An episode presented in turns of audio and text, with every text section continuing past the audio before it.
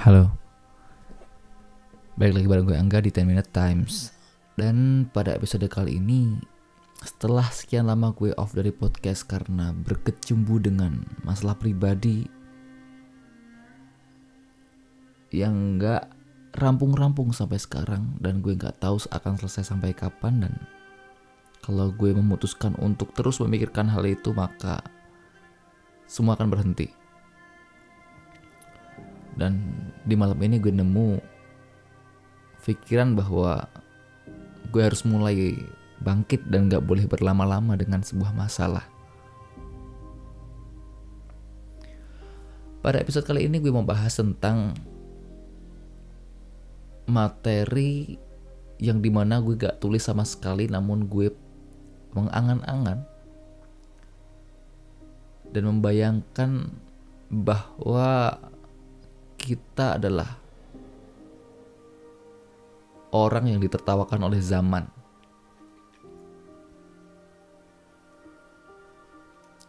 Bagaimana bisa kita ditertawakan oleh zaman?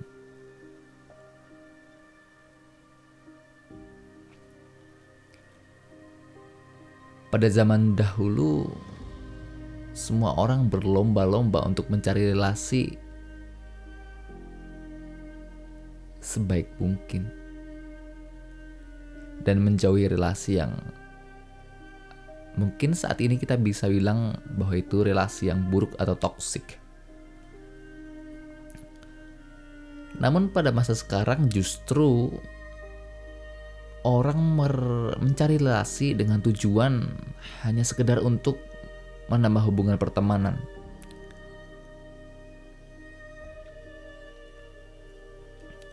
Sampai di sini aku belum paham tentang bagaimana dan apa manfaatnya untuk mencari teman yang sangat banyak, mengumpulkan banyak orang.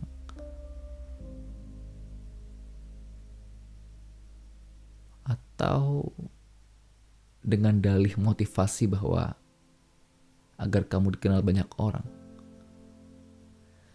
Sampai sekarang aku masih belum paham tentang hal tersebut. Kita adalah orang yang kehilangan jati diri kita sesungguhnya. Di mana waktu kecil kita dibesarkan dan dididik dengan sepenuh hati oleh orang tua dan guru-guru kita. Namun saat ini kita melepasnya begitu saja. Aku teringat ketika saja ketika aku masih duduk di bangku sekolah dasar Cita-citaku begitu besar dan begitu mulia. Aku ingin menjadi seorang polisi. Begitu nampak jelas seorang wibawa polisi di mataku. Adalah sosok penegak hukum, adalah sosok yang di mana membawakan sebuah dampak positif dan membantu masyarakat umum pada umumnya. Namun dengan seiring perkembangan waktu dan perkembangan zaman tentunya aku dapat melihat bagaimana cita-citaku itu sesungguhnya gitu, di mata masyarakat.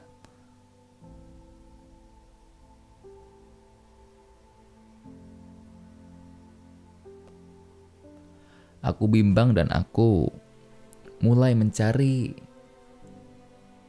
jati diriku kembali. Kemudian sewaktu aku duduk di kelas 2 SMP, aku beralih cita-cita. Ingin sekali aku menjadi seorang advokat. Hukum tentunya. Entahlah. Yang jelas aku ingin menegakkan hukum dengan seadil-adilnya. Membela yang benar dan menyalahkan yang salah.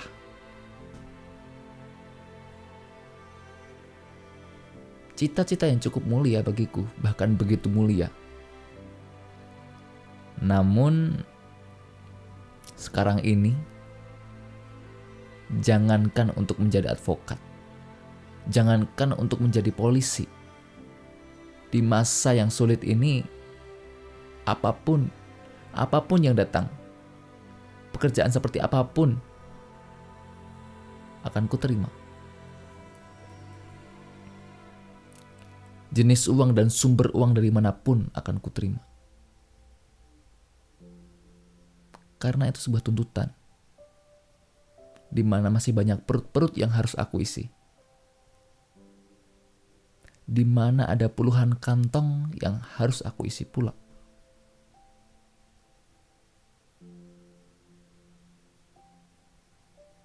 Aku tak tahu dan aku tak pernah membayangkan ketika senyum dari adik-adik kecilku mulai pudar. Ketika mereka hanya meminta satu biji permen kepadaku dan aku tak mampu memberinya.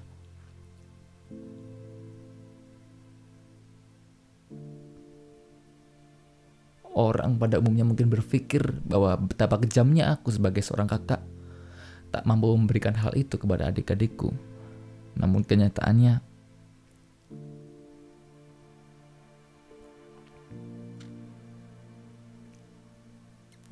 apa yang akan aku berikan? Bahwa untuk diriku sendiri saja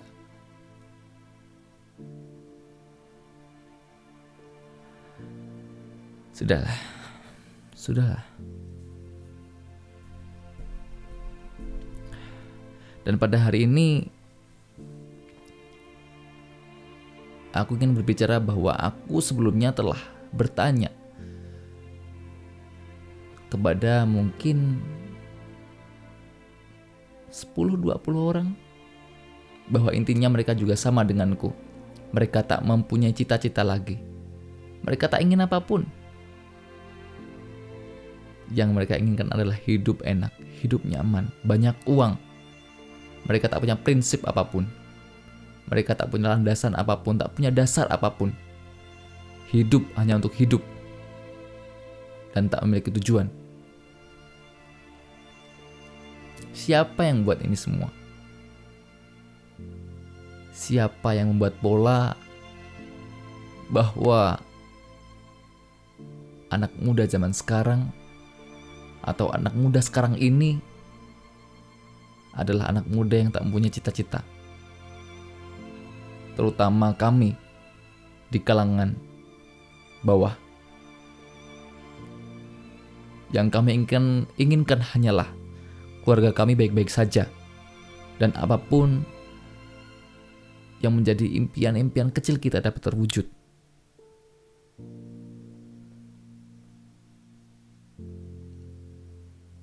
Sempat dikala dulu aku berpikir bahwa aku ingin sekali menjadi sebuah dok seorang dokter.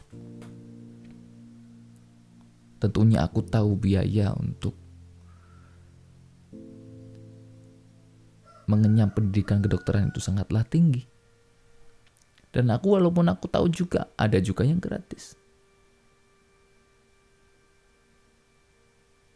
Aku tak mau menyalahkan keadaan, tapi aku akan menyalahkan diriku sendiri di mana aku tak mampu untuk dapat program gratis untuk sekolah kedokteran. Karena ya memang, memang inilah yang terjadi. Semua tak dapat dipaksakan. Begitu minimnya pendidikan yang aku dapat. Bahkan untuk membeli buku di luar buku sekolah, di luar buku mata pelajaran saja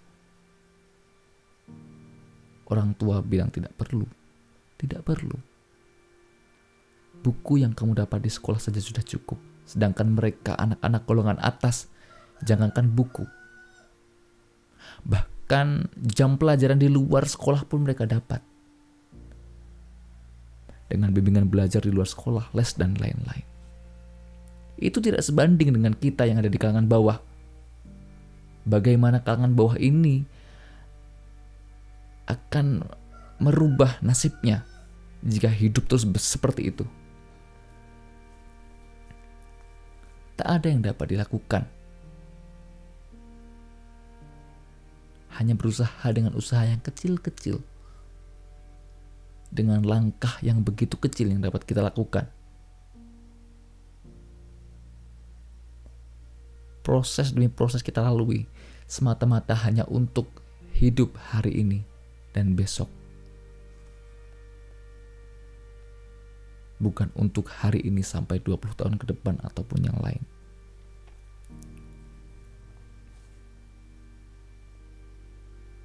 Dan wahai kawan-kawanku, wahai sahabat-sahabatku, Bapak Ibu, Anda yang mengemban tugas menjadi dokter, menjadi dokter.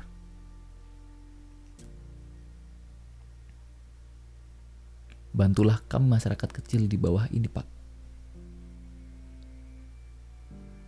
Kami memilih untuk tidak ke rumah sakit. Kami memilih jalur lain. Klinik ataupun puskesmas, Pak. Tapi jika puskesmas tidak mampu melayani kami dengan keterbatasan alat-alatnya mungkin atau keterbatasan tenaga medisnya, kami beralih ke klinik. Namun kami sangat meminta tolong.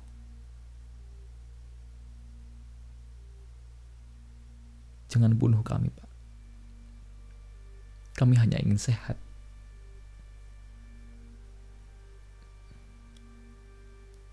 ketika bapak dan ibu menyedorkan kami harga yang begitu tinggi untuk kami. Kami akan tetap membayar, Pak.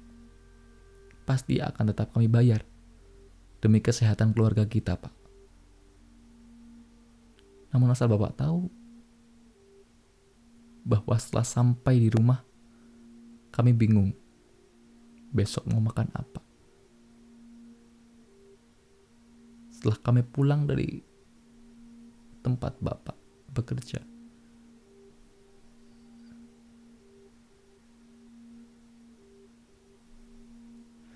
Kami semua dilanda kegalauan yang sangat berat. Di mana Bapak tidak tahu bahwa dalam sebuah keluarga tidak semuanya bekerja mungkin hanya dua orang atau tiga orang saja. Dan dalam gaji kami rata-rata adalah 50 ribu per hari. Jika hanya untuk memeriksakan diri dan menebus obat saja sudah ratusan ribu. Apakah Bapak berpikir bahwa kami bekerja untuk sakit kemudian uang yang kami dapat untuk sembuh kembali. Apakah seperti itu?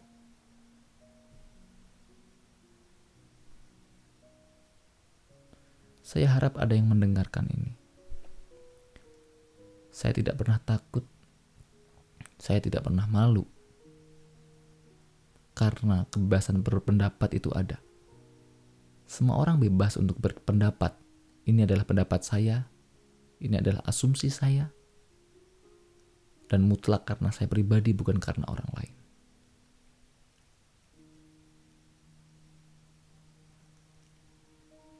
COVID-19 Coronavirus Diase 2019 membuat semua orang terpelanga dengan semua ini. Apa yang sebenarnya terjadi? Masyarakat kami yang ada di bawah tidak tahu ini sebenarnya apa.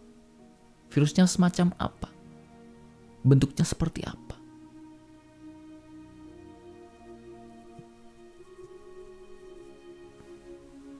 Sehingga semuanya rusak seperti ini. Ekonomi kami tiba-tiba hancur dengan seketika. Anak-anak kami, adik-adik kami yang bersekolah saat ini hanya sekedar untuk bergurau di rumah, memandang HP seharian. Dan seakan-akan mereka adalah orang atau generasi yang sengaja untuk dibuat hancur. Di mana saya teringat dulu waktu saya masih sekolah karena saya termasuk orang yang beruntung karena saya sempat melewati di mana COVID ini sebelum COVID ada saya sudah lulus. Saya termasuk orang yang sangat beruntung akan itu. Saya teringat di mana dulu ketika saya mengenyam pendidikan di masa SMA. Ketika saya memegang HP di dalam pelajaran, maka HP itu disita dan dikembalikan lagi nanti setelah pulang sekolah.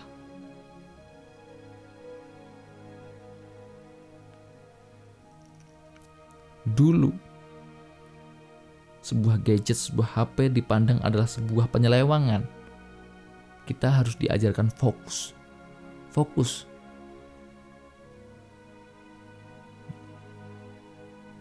Ke depan. Dan sekarang semuanya virtual. Ketika anak-anak kecil sudah harus memegang sebuah ponsel dan kita tidak tahu selain belajar, selain sekolah, apa yang mereka lakukan? Tentunya game, tentu pasti. Kemudian website apa yang mereka buka? Kemudahan-kemudahan seperti ini juga kadang menjadi sebuah dilema bagi kita orang tua, bagi kita kakak-kakak adalah seorang adik. Kakak-kakak dari seorang adik, sebuah dilema di mana kita juga sulit untuk membatasi sekarang ini. Di mana mereka terbiasa untuk memegang gadget, bermain dengan internet, dan tiba-tiba harus dipisahkan seperti itu, seperti itu saja, maka saya jamin hal itu adalah mustahil. Ketika esok sudah normal, ketika esok sudah kembali. Maka seperti apa ini? Seperti apa?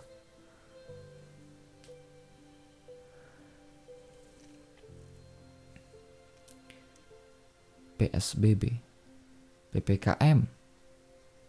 Saya setuju. Sangat setuju. Doa saya di dalam tidur saya di dalam aktivitas saya setiap hari di mana saya bekerja juga sebagai petugas lapangan. Saya selalu berdoa agar Indonesiaku cepat membaik. Terutama Jogjaku. Jogjaku yang sehat semoga cepat membaik. Masyarakat sudah tidak, tidak tahan lagi dengan ini semua. Siapa yang salah? Apakah pemerintah yang salah? Atau kami masyarakat yang salah?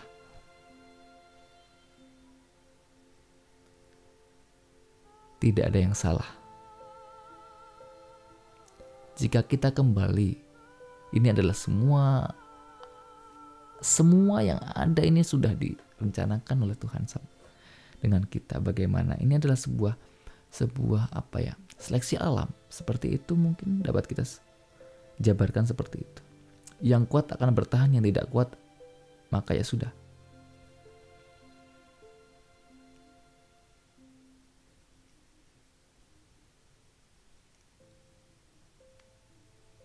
Setebal apa pun maskermu, setebal apa pun APD-mu, jika jiwamu kotor, jika hatimu kotor, niscaya kamu akan terserang juga. Percayalah. Percayalah. Bersihkan hatimu. Maka semua akan baik-baik saja karena ya saya sebagai pribadi orang yang dari dulu menanamkan keyakinan bahwa semua itu bersumber dari hati. Ya sudah. Asal kita berpikir positif bahwa kita adalah orang yang kuat. Gitu. Kita juga orang yang taat terhadap prokes. Maka ya sudah gitu. Tidak perlu berlebihan segalanya, tidak perlu berlebihan. Cukup aturan yang berlaku jalankan sesuai. Jiwa kita bersih, kita percaya bahwa kita tidak akan terserang. Keluarga kita semuanya aman, maka sudah. Tubuh mampu melawan penyakit itu.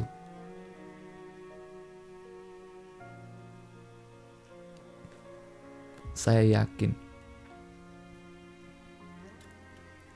Dan untuk masyarakat, di mana pun teman-teman dengar ini, saya mohon Saya sangat mohon dengan kebesaran hati teman-teman. Marilah kita sadar bahwa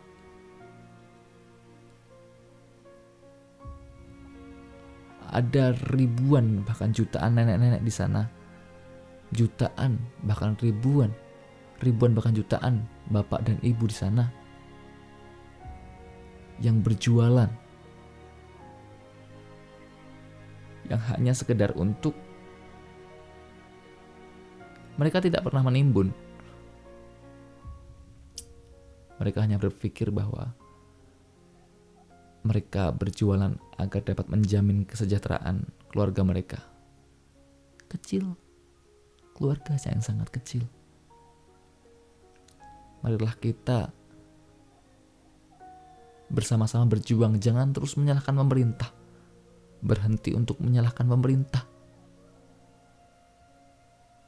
Rusaknya generasi ini adalah saling tuduh-menuduh, saling salah menyalahkan. Kita sebagai masyarakat jangan terus merasa tertindas. Kita harus ikut andil untuk mengambil solusi dari dan jalan keluar dari COVID ini. Dengan cara apa? Lihatlah keluar banyak ratusan bahkan ribuan orang yang gulung tikar karena kehabisan modal.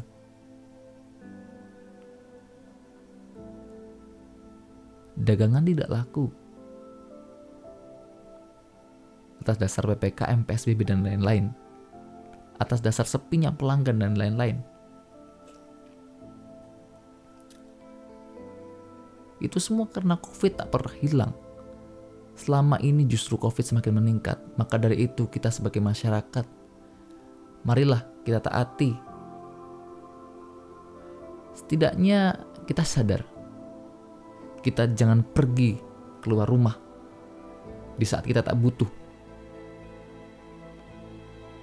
Jangan bermain, jangan berkumpul. Kita harus sama-sama berusaha untuk menekan angka dari perkembangan virus COVID-19 agar semuanya bisa menikmati, agar semuanya bisa membaik kembali. Semua orang bisa berjualan. Nenek-nenek yang ada di pasar kembali tersenyum. Ibu bapak kembali bahagia karena dagangannya laku. Adik kita bisa kembali sekolah. Kita pun kembali bahagia. Lihat semua keadaan yang kembali normal. Kita harus mulai ambil ikut andil dalam hal ini. Jangan hanya diam dan menyalahkan saya percaya kamu adalah orang yang bijak. Maka laksanakanlah hal yang menurutmu baik. Jangan terprovokasi. Jangan pernah terprovokasi, jangan pernah terpengaruh dengan ucapan orang lain. Saat ini saat di mana kita harus menunjukkan kita yang sebenarnya. Jika kita terus mengikuti alir yang mengalir, maka sama saja. Kamu adalah orang lain, sama saja. Kamu bukan dirimu sendiri. Tunjukkan. Tugasmu sekarang adalah menunjukkan bahwa kamu adalah orang yang ikut andil dalam pencegahan penularan virus COVID-19 agar semuanya lekas membaik. Dan gue Angga di 10 Minute Times Terima kasih. Wassalamualaikum warahmatullahi wabarakatuh.